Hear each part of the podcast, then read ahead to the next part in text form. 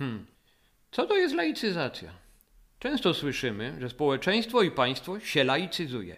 Opinie na temat tego, czy to dobrze, na ogół są podzielone. Konserwatyści oceniają owo zjawisko negatywnie. Ludzie lewicy no, pozytywnie, wiadomo. Jednocześnie dążą do jego przyspieszenia.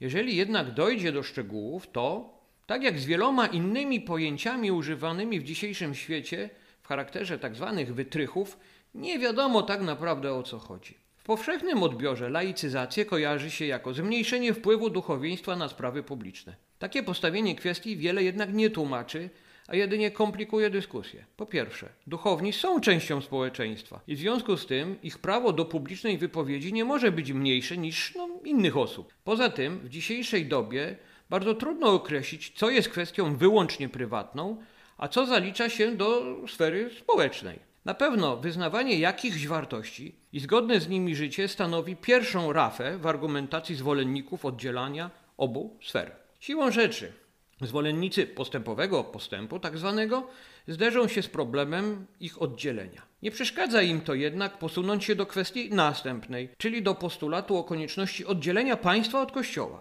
Oczywiście mają na myśli kościół instytucjonalny, którego duchowni są integralną częścią. W tym wypadku dopiero zaczynają się przysłowiowe schody.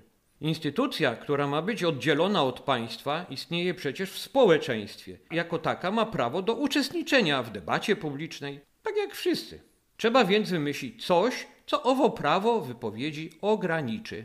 Na pytanie po co istnieje jednoznaczna odpowiedź. Kościół często mówi to, czego w oficjalnym dyskursie być nie powinno. Bez wątpienia mamy tu do czynienia z jednym z kluczy do współczesności, a tym samym do owej rzeczonej, rzekomej laicyzacji. Tak naprawdę nie chodzi tu o księży, czy tym bardziej biskupów. Duchowieństwo już dawno zrezygnowało z aspiracji do pełnienia funkcji państwowych, nie tylko w Polsce, ale i w całym świecie. Nie może jednak zrezygnować z nauczania zasad moralnych swej religii. W ten sposób wyrzekłoby się ono no, Boga.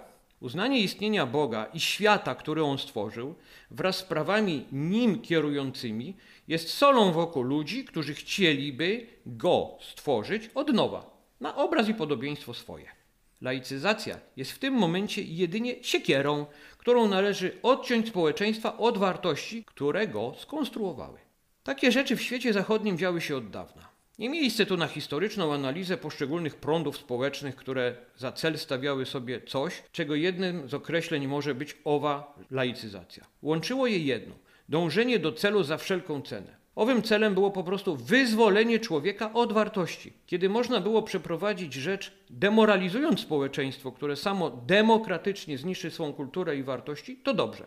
Jeśli jednak rzecz nie będzie tak prosta, to należy laicyzację, tu zawsze używam to słowo w cudzysłowie, przeprowadzić wbrew niemu, choćby i poprzez masowy terror. Ważne, by osiągnąć cel.